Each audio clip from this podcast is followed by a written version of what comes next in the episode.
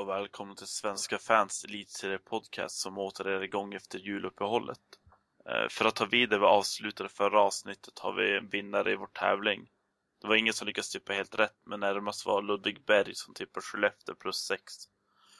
Och med det avklarat så går vi in på kanske säsongens största hockeynyhet, att NHL drar igång igen. Är ni förvånade?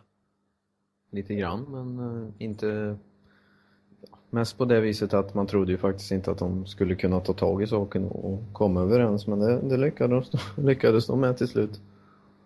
Ja, nej, ehm, jag är väl inte jätteförvånad i och med att eh, det har funnits eh, folk som är mer insatta än vad jag är som hela tiden har, har ändå verkat positiva över att det ska komma en lösning på det hela.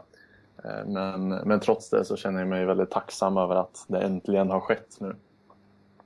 Ja, det känns väldigt skönt att liksom världens bästa liga får komma igång igen. Det har varit nästan en stor depression här borta, i alla fall för min personliga del. Att NHL har varit, varit lockoutat då. Eh, och samtidigt för svensk hockey så känns det väldigt, för tycker jag, väldigt skönt att vi slipper den där konflikten om vi ska ta in korttidskontrakt med NHL-spelare eller inte. Den, den biten är som bortblåst nu. Ja, delvis slipper man ju den biten framförallt och givetvis den här eviga frågan som varenda svensk klubb har ställt sig. Kommer de att, kommer det att bli hela säsongen? Kan vi titta på den här spelaren? Kan, ska vi avvakta liksom? Det har ju varit ett, ett vågspel hela tiden och jag tror även för, svensk, för de svenska klubbar som har varit på det här spåret, de tror nog att det är jätteskönt. Samtidigt som kanske att, okej okay, det var lite tråkigt, vi hade ju ändå sikte på den här spelaren och den här spelaren då, men framförallt att ligan har kommit igång, det är ju det som är det viktigaste framförallt, för det är ju ändå världens bästa hockeyliga vi pratar om. Ja, alltså precis. Just det här att man slipper en, en kapprustning innan eh, transferfönstret stängs i elitserien. Det tror jag hade kunnat få um, ja, ganska, ganska jobbiga konsekvenser så småningom i och med att klubbarna skulle bli, bli tvungna att lägga ganska stora summor pengar antagligen, även om det bara handlar om försäkringar eh, som man faktiskt kommer behöva betala så småningom. Eh, så det är helt klart väldigt skönt för både svensk hockey och framförallt då eh, nordamerikansk hockey att, att det nu är igång. Ja, alltså, det, det känns ju också som att det skulle, nu har vi varit inne och nosat på det här förut och pratat om det lite grann, men det skulle ju kunna ställa om tabellen helt ifall det varit en sån där kapprustning då vissa lag har ganska mycket mer exporterade NHL-stjärnor än, än vad andra lag har i elitserien.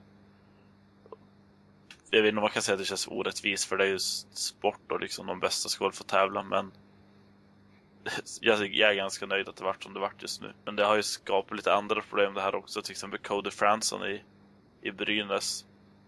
Eh, vad tror ni kommer hända där? Mm, jo, enligt fakta och från nordamerikansk media så står det ju klart att i och med att avtalet nu varit godkänt igår om jag fattar det rätt så ska ju även Cody Fransons kontrakt börja gälla från och med då för att eh, det var väl det här man hade diskuterat att alla värvningar får godkännas mellan klubb och spelare men de godkänns inte officiellt förrän avtalet var skrivet. Nu enligt ryktena så ska han ha ett ettårskontrakt med Toronto och enligt eh, den här eh, stegen som man ska gå så kommer han att dra över. Någonting som jag tycker är väldigt eh, uppenbart visserligen i och med att han var en restricted free agent innan säsongen i Brynäs började. Och att Brynäs går ut och mörkar det här, det känns... Jag vet inte, jag tycker att man hattar lite för mycket med det. Jag vet inte vad man är så rädda för. Är man kanske är rädda för att få en repressalje men Tittar man på Frölunda och Modo så har ingenting hänt med dem för att de plockade in lockoutspelare. Det, det blir ju eh, ganska intressant nu då. Eh, alltså om man tittar på det beslut som marknadsdomstolen gick ut med för ett tag sedan. Så i alla fall i min uppfattning så verkar de stödja den här idén att Hockeyligan har rätt att begränsa användandet av korttidskontrakt rent generellt. Däremot så sa de ju inte att det påverkade Eh, någon specifik begränsning av NHL-spelare. Det vill säga de sa inte att det var okej att eh, man fick ta in korttidsspelare så länge de inte kom från NHL. Eh, så jag menar, om den tolkningen är korrekt så skulle det betyda att Modo och Frölunda faktiskt har fått rätt i och med att de uppfyllt de vanliga kriterierna för att nyttja korttidskontrakt eftersom att de haft skadade nyckelspelare. Då. Och det leder ju i så fall till att Brynäs som det ser ut är den enda klubben som i så fall bryter mot de regler som finns. Ja, det var jag inte riktigt fullt insatt i, men när det är så så är det ju snudd på komiskt nästan. Ja, att det har så mycket smutskastning mot, mot Modo och Frölunda. Sen, sen är det Brynäs den enda klubben som har lyckats bryta det. Det blir ju det och som du säger Erik, de har ju diskuterat det här fram och tillbaka vad det nu ska gälla för korttidskontrakt och de, de nämner ju inte, som du säger, de nämner ju inte NHL i den här frågan. Men då måste man ju även titta på ett visst AIK som har plockat in Chris Beach på ett match för matchkontrakt. Ergo ett korttidskontrakt och jag vet inte riktigt hur... Alltså det verkar som man kan komma undan med lite vad som helst. Jag menar i, i fjol hade vi ju till exempel eh, Björn Svensson i Modo Hockey. Vi hade Hannes Hyvnen i Färjestad och jag vet inte riktigt vad man, vad man är ute efter. Och dessutom så har jag hört enligt vad jag har tolkat det som så är det ju inte ens en skriven regel utan det är mer en överenskommelse mellan klubbar och hockeyligan. Det har jag också förstått att det mest är en, en, en muntlig överenskommelse det där. Just i, just i eh. fallet Chris Beach så är det väl återigen det här med skadad spelare för de har väl haft, är det inte Sandberg han tänkt att ersätta? Eh, som jag uppfattar det i alla fall. Jag, jag kan ha fel men... Ja, men jag, jag, jag tror att det stämmer. Att det tänkt att han ska ersätta men visst, jag, jag, håller, förlåt, men, eh, jag håller med om att det, det, blir lite otydligt. Jag menar, det där tycker jag är ändå ett problem med hockeyligan. Att de här reglerna verkar vara lite otydliga och bara finnas i, i något obskyrt dokument som ingen får se. Mm. Jag tror att hockeyligan skulle tjäna på att vara, vara mer öppna med det här. Ja, dessutom i och med att det inte ens är en skriven regel, det är ingenting som finns stämplat någonstans. Det är bara en överenskommelse och jag menar en överenskommelse kan vem som helst bryta. Och att folk blir galna på grund av det, jag menar, jag vet inte. Det känns som att det inte är mycket att hänga julgran i längre. Och att hockeyligan är ju egentligen den stora boven i, i det hela. Ja, jag vet inte riktigt. Jag är inte fullt insatt hur det funkar rent på den biten. Men, eh, men känslan är ju fortfarande... För jag menar samma sak som då med Cody Franson. Man skulle kunna, han är ju också intagen, skulle man kunna säga nu, som för att ersätta en skadad spelare. Om man vill. För jag menar, Brynäs har ju haft mycket problem och skador på backsidan. Du kunna dra den nu och jag vet inte, jag tror att jag, jag vet inte riktigt om Cody Franson har rätt att köpa, köpa sig ur sitt kontrakt med Brynäs. Om inte Brynäs IF då går med på det. Eller jag, jag är inte helt No, rent kontraktsmässigt så måste ju Brynäs godkänna en sån eh, överenskommelse givetvis. Och, mm, om det nu tvingas till det här, men jag, tvivlar på att han ens kommer att behöva göra det för att någonstans så tror jag att man har gjort en liten eh, klausul i det här kontraktet som säger att han får gå till NHL om han hade fått ett erbjudande. För det här är inte ovetande för Mikael Sundlöv, sportchef i Brynäs. Han sitter ändå och är deltagande i de här värvningarna och att om han inte har koll på hur läget är med en spelare då ska inte han sitta där som sportchef överhuvudtaget. Det här är någonting som han går ut och mörkar rejält. Ja, det tror jag nog också. Men jag, e- e- egentligen, vad, vad, finns det som hindrar att Cody Fransson bara går och sätter sig på, på nästa plan? Det, det är inte så mycket att göra. Så länge han inte har några planer på att komma tillbaka till Sverige och spela någon gång i framtiden så straffar det inte honom på något som helst sätt. Nej, inte direkt för att eh, ska man titta på den här regeln som gäller restricted free agents så som jag har uppfattat den är att enligt fakta så står Cody Franson som eh, spelare under Toronto Maple Leafs med ett, eh, utan ett kontrakt. I och med det så kan ett lag gå in på en free agent-marknad och erbjuda honom ett kontrakt varav Toronto måste ge ett matchande bud för att det ska kunna motsvara någonting för att det ska bli någonting. För en som kan godkänna eh, ett erbjudande från en annan klubb men om Toronto lägger ett motsvarande bud som är lika bra eller bättre så tillhör han fortfarande Toronto. Tittar man på läget idag så har Toronto gett ett bra bud som Branson har godkänt och då kan han gå till den klubben om han vill det. Och enligt regeln så är det så. Nu är ju den här regeln skriven för mellan NHL-lag och i och med att Brynäs är involverat i det, jag menar, ja, då, då är det bortom min kunskapsnivå. Alltså saken är att Brynäs har ju kontrakt med Cody Franson fram till, är det sista april tror jag. Ja, det är det. Hans kontrakt sträcker sig. Eh, och enligt dem så finns det ingen sån klausul som ska tillåta att gå till NHL så vitt jag har förstått. Så jag vet inte riktigt vad som kommer att hända här. Min spontana gissning är att han kommer att gå till NHL ändå. Det brukar alltid sluta så. Jag tror inte att Brynäs vill ha en spelare heller som inte vill spela i laget. Nej, Ja. precis. Och jag menar, han har väl inte dominerat på något sätt heller. Så jag vet inte om det är någon jättestor förlust för dem. Men, ehm, helt klart så är det ju en, en väldigt konstig situation. För jag menar, ja, de kan ju hävda att de helt enkelt inte är nöjda med honom och ger honom sparken. och så går han och spelar i NHL sen.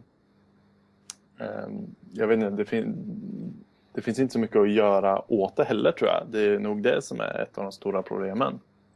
Se på sidofakta också så har man ju även nämnt att han går som skadad också för tillfället. Och mitt i det här så kom ju ryktet om att han har skrivit med Toronto och då, det, för min del så blir det mer uppenbart om att det, är, det här har inte Brynäs velat tala om helt enkelt. Det skulle mycket väl kunna vara så att de har, de har mörka där helt enkelt. Samtidigt har jag lite svårt att tro att det är så. Jag tror att Brynäs i dagsläget, om de kunde spela Cody Franson så skulle de spela Cody Franson. Även om man kanske inte själv vill. Med tanke på situationen bland deras backar. Det är ju ganska mycket skador. De har haft mycket problem med den defensiva biten, speciellt nu på senare tid. De har ju dalat ganska mycket i tabellen. Mm. Så att, ja, nej, jag vet inte riktigt hur, hur den här situationen kommer att lösa sig.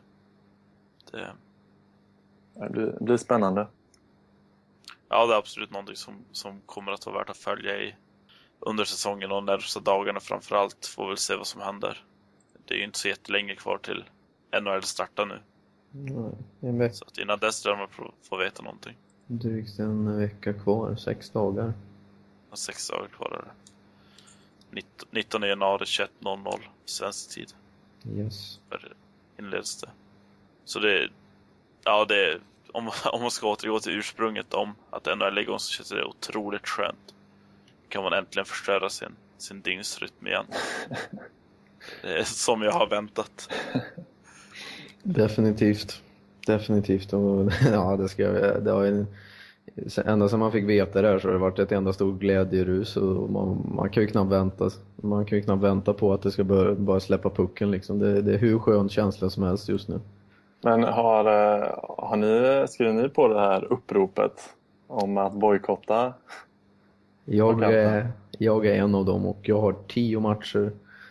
Eh, alternativt elva vad jag har fattat. Och jag kan ha mellan 10 och 11 matcher och då får jag se på NHL eh, från och med den 12 eller 15 februari.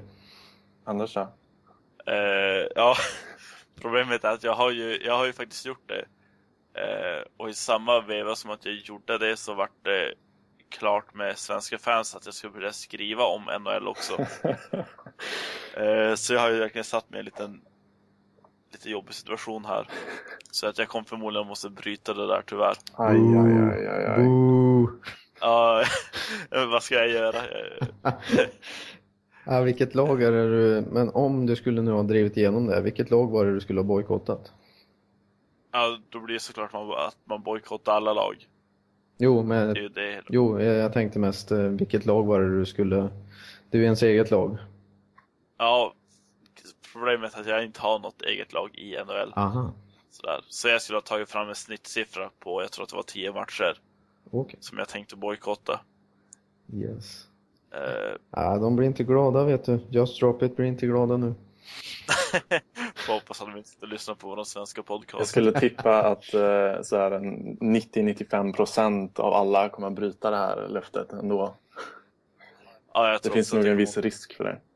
De som, om man ska gissa vilka supportrar som kanske har gått med mest och sen kommer att bryta mest, det tror jag faktiskt blir eh, Winnipeg. De har ju ändå, de fick ju precis sitt NHL-lag i fjol och sen en lockout direkt efteråt. Ren frustration och sen ren lättnad. Ja, man får tolka det som man vill helt enkelt. Vi kanske ska säga vad vi pratar om här egentligen. Om, om det är någon som har lyckats missa det. Just Drop It är alltså där man gick med på varje match efter, vad var det för datum Stefan? Minns du det? Det var efter... Var det den 14 Nej, vilket datum var det? I december någon gång va? December någon gång. Jag tror det var den 20 någonstans där. Ja, i vilket fall. Ja, i nu vilket fall var det ju, där. i och med det så, det var ett visst datum någonstans i december och efter det så skulle varje fan som åtog sig den här eh, dealen eller kontraktet med Just Drop It ska enligt följande bojkotta lika många matcher som NHL bojkottade efter det här datumet och för min och Anders del, eller ja, för min del blir det tio matcher som jag måste bojkotta med mitt lag. Det var den 21 december. Det kan det stämma då. Jag kollar upp det. Eh, lite kul för oss på Svenska fans här att Niklas Wiberg är också med i den gruppen. Mm. Eh, får se om han lyckas hålla sitt också. Så om du lyssnar på den Niklas vill jag gärna ha ett svar från dig. Upp till bevis. Ja, upp till bevis. Jag tror att det kan bli väldigt svårt för han. Jag tror också han, det har varit väldigt mycket NHL på bland annat Twitterflödet nu och mycket om Broad Street Bullies, Philadelphia Flyers. Ja, han är ju Philadelphia fan så att vi får se hur det här kommer att gå för hans del. Eh, men vi kanske ska avsluta avsluta NHL-ämnet och gå vidare till vår egen serie om ingen har något mer att tillägga. Eh, det pratas alltid om att tabellen kommer att vara otroligt jämn inför säsongen. Alla experter, alla spelare trodde att det blir krig inte sista omgången. Det är alltid det där gamla vanliga tugget. Men om man kollar på tabellen nu så är han ju faktiskt allt annat än jämn och intressant. Förutom i vissa skikt, i framförallt toppskiktet. Varför tror ni att det har blivit så i år? Någonstans på vägen så blev det någonting av den här äldre traditionen, situationstecken. Och där de sämre lagen faktiskt blir stryklagen då, men eh, tittar man på helheten så har det aldrig varit det, utan på någonstans så har de här skikten kommit i den här nedre delen av tabellen och Sträckkamperna är ju inte lika tydliga som de var förr i tiden eller som förra säsongen till exempel. Ja, nej jag vet faktiskt inte vad jag ska säga där. Nej, jag, jag tillhörde väl de som, eh, som sa att det kommer säkert bli jättejämnt. Men eh, ja, det är just runt strecken som det är. Runt slutspelsstrecket skiljer det 14 poäng. Och kvalstrecket så är det väl 7 poäng. Eh, Men det, det är ändå ganska, ganska stora siffror nu när man börjar ändå närma sig sluttampen av säsongen.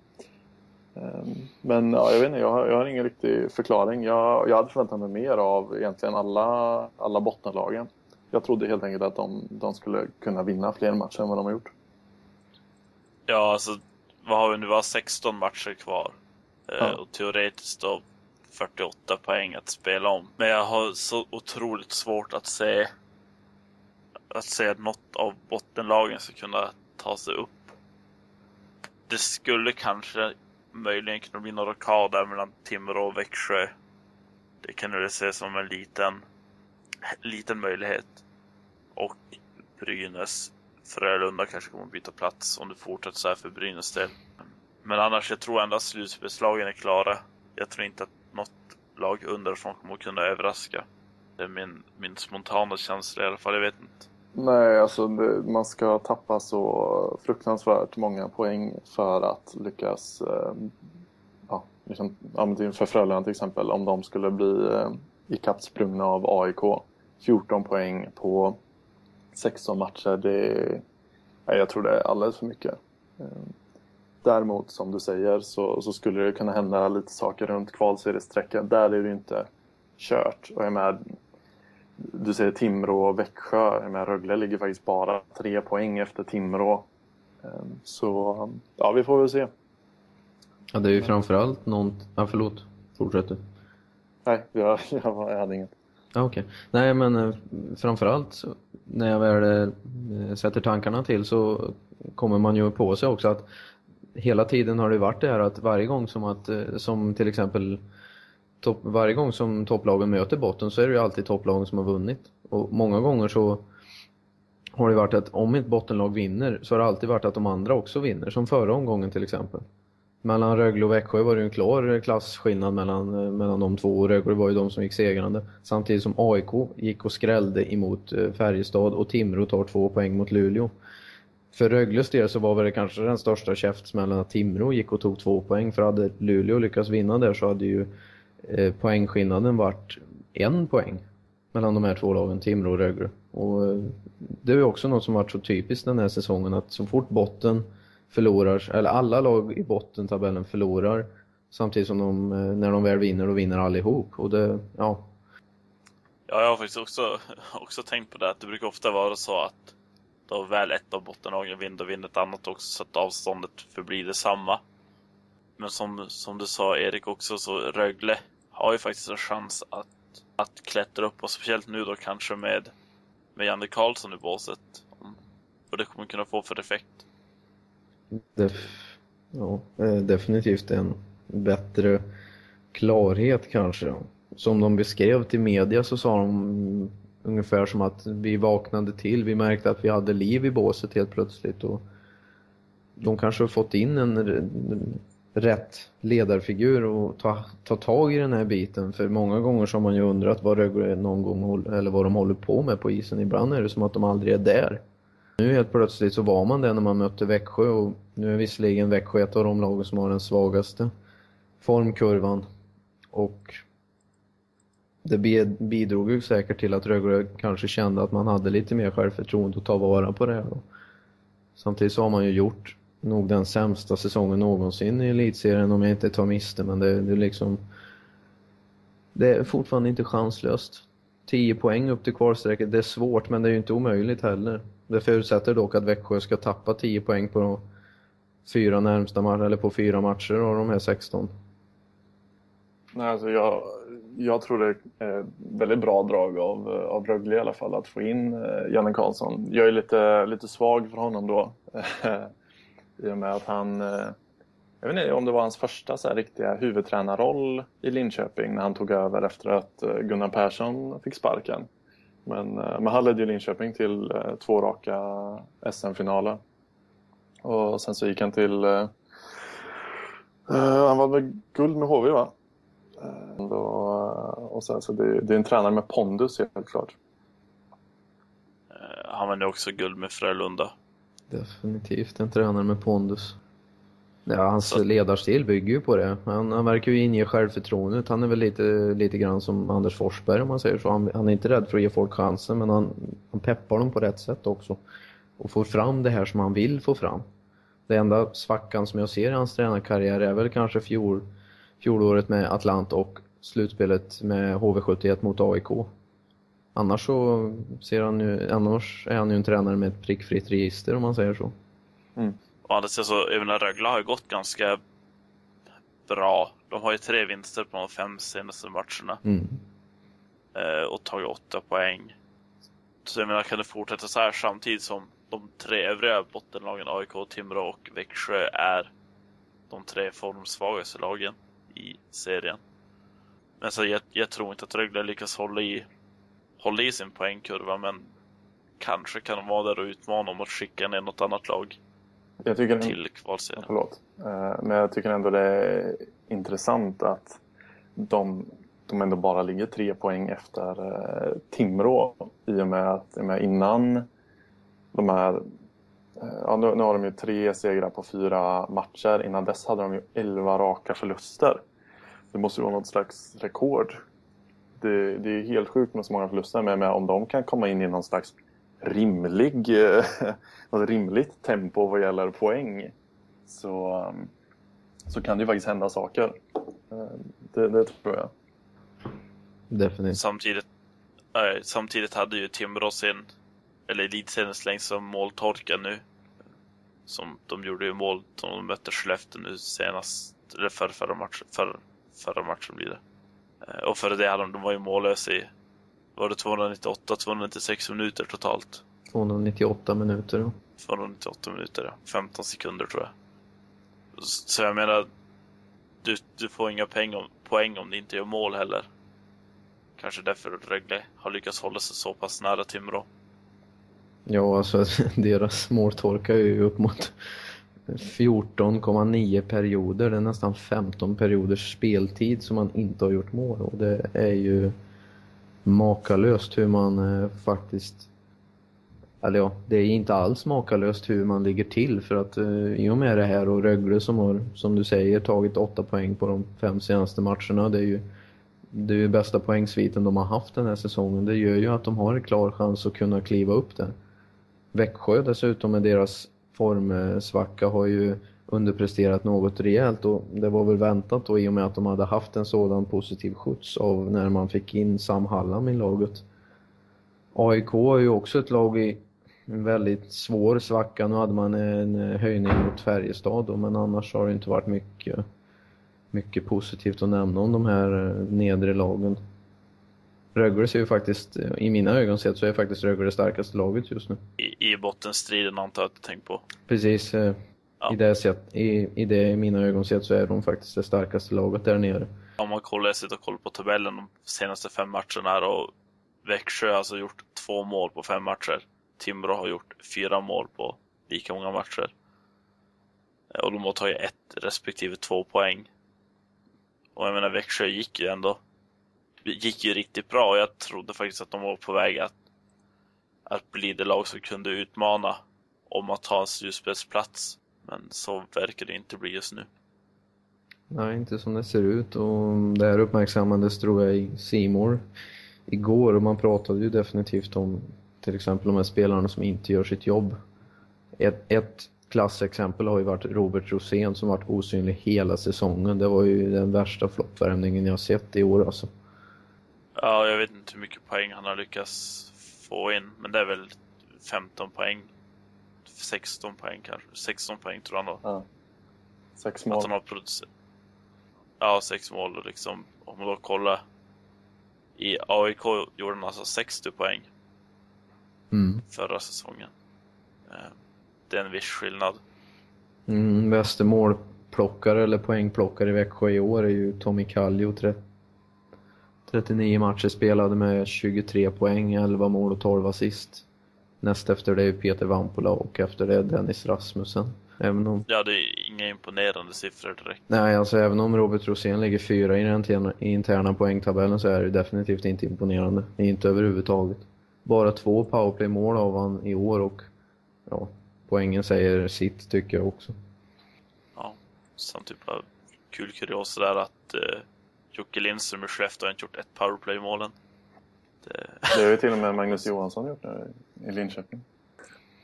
Efter sin måltorka. Avgörande målet mot Modo. Precis. det är lite imponerande. Men om man, Men om man går tillbaka ja. till Rögle, deras poäng har ju, deras spelare har väl inte heller riktigt, de är väl också något som har värvat riktigt bra men som har spelare som inte har visat vad de går för. Jag tänker på till exempel eh, Mattias Kärnqvist eller eh, Altonen, eh, Kokonen så har man ju även i Galden. Det är ju framförallt det är ju spelare som man minns riktigt gjorde klasskillnad i fjol. Det är ju spelare som inte har gjort vad de, vad de ska helt enkelt. Ja, de, de har ju ett par stjärnspelare om man kan säga så som, som inte riktigt har kommit upp till en standard som, som behövs. Även Fredrik Werk ska jag räkna in där. Ja, precis. Som inte riktigt har uppnått rätt standard för att lyckas hjälpa Rögle. Nej, alltså deras bästa poängplockare är ju samma som jämfört med Kallio i Växjö. Det är i Galden på 23 poäng. Där har han 10 mål och 13 assist på 39 matcher. Eh, varav 3 powerplay-mål. Näst bästa poängplockare är Malmö bekante Alexander Barta följt av Daniel Sondell. Den som jag är mest imponerad av i, i Rögle i år är faktiskt Ted Brithén som faktiskt varit ett riktigt stjärnskott faktiskt. Ja, Brithén har gjort ett bra jobb men det är väl inte rätt jätteförvånad över att han skulle göra heller. Jag menar, han har ju varit i Rögle nu ett par, eller han har ju alltid spelat i Rögle, det är en ung lovande spelare. Mm. Som jag tror också kommer att växa från om han kommer att stanna kvar i Rögle. Ja, just på det viset som han har visat upp sig och framhävt sin roll så har han ju givit Rögle ett, ett lite mer ansikte när de här stjärnorna inte har presterat men tyvärr har det ju inte varit mer bidragande än någon annan om man säger så då. Det har ju inte varit så att man har vunnit matcher på grund av honom heller. Tyvärr då. Det är ju en fruktansvärt bra spelare är det ju. Ja, det är det och kanske framförallt kan utvecklas till att bli en. Men om man ska, om man ska lämna bottenträsket och ta täcka av toppen också lite snabbt innan vi går vidare. Eh, vad tror ni där då? Jag menar, där är det ju ganska jämnt. Mellan de fem första, sex första lagen i alla fall. Ja, det kan bli ganska, ganska intressant faktiskt. Det känns som att det har tajtat till sig lite på, på sistone. Både Skellefteå och HV har, eh, har väl haft det lite tyngre i perioder i alla fall. Vilket har gjort att eh, lagen under där har, har knappat in något. Så det kan helt klart bli, bli spännande om vem som faktiskt tar hem seriesegern åtminstone i slutet. Ja, det är en, det är en helt öppen historia. Min tippning har alltid varit och kommer förmodligen att fortsätta vara HV. Som, så jag tror att de lyckas ta det där till slut. De har ju haft det lite tyngre nu. Även om de har fyra vinster och en förlust de senaste fem. Om jag inte har helt fel nu, nu har jag ingen jo, schema framför mig. Mm. Så det, det, är min gissning i alla fall att de kommer att knipa. Så... Att de kommer vinna det där. Frågan är vilka lag som blir topp fyra. Ser man på om jag, jag, tänker efter när jag tittar på de här fyra lagen så är det ju faktiskt att tre utav de här lagen har faktiskt haft en liten smärre dimp, om man säger så. Eh, Skellefteå förlorade ju som nämnt bort 6-0 borta mot Linköping. HV förlorade med 4-7 hemma mot Färjestad och Färjestad förlorade igår med 2-3 mot AIK. Då är ju bara Linköping kvar som har den här lilla extra dippen som, som förstör, förstör den här form, formkurvan. Och en sån grej gör ju att ett lag tippar ner det andra hela tiden och det är ju som ni säger, det är väldigt tajt där. Jag själv har också tippat HV som eh, serievinnare. Topp fyra skulle jag nog faktiskt säga de fyra som är kvarstående. Luleå är ju lite där och nafsar i kanten men jag, jag tror att de kommer falla lite i slutet på grund av att de är lite för ineffektiva framåt. Jag tror, eh, är det något lag som ska komma upp så tror jag mer på Modo faktiskt.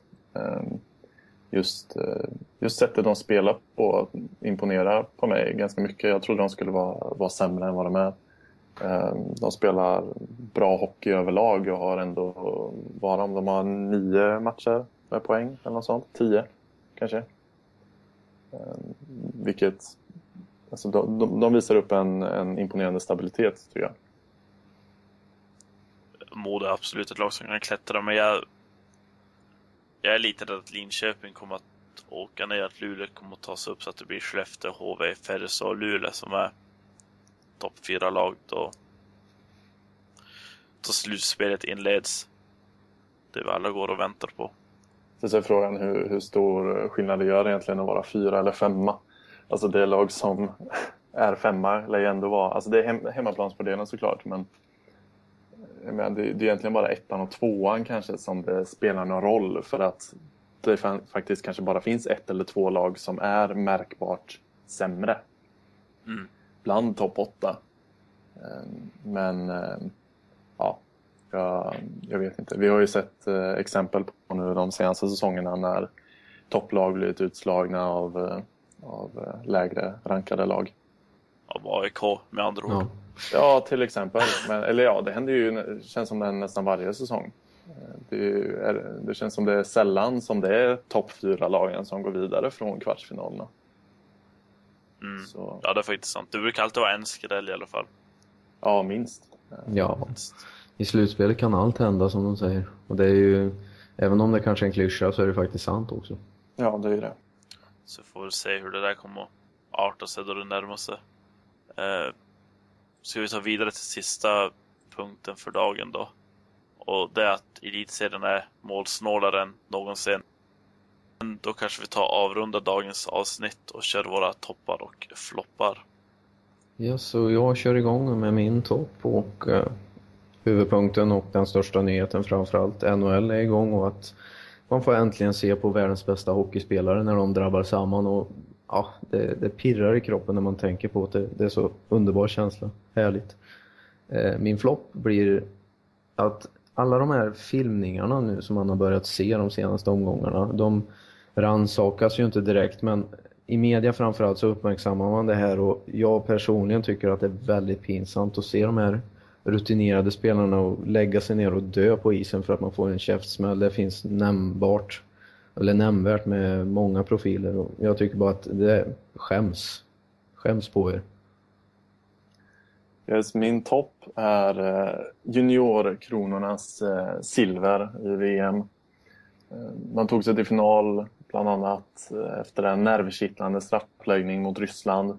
Och sen så gav man USA en riktigt god match i finalen, även om det inte räckte hela vägen fram.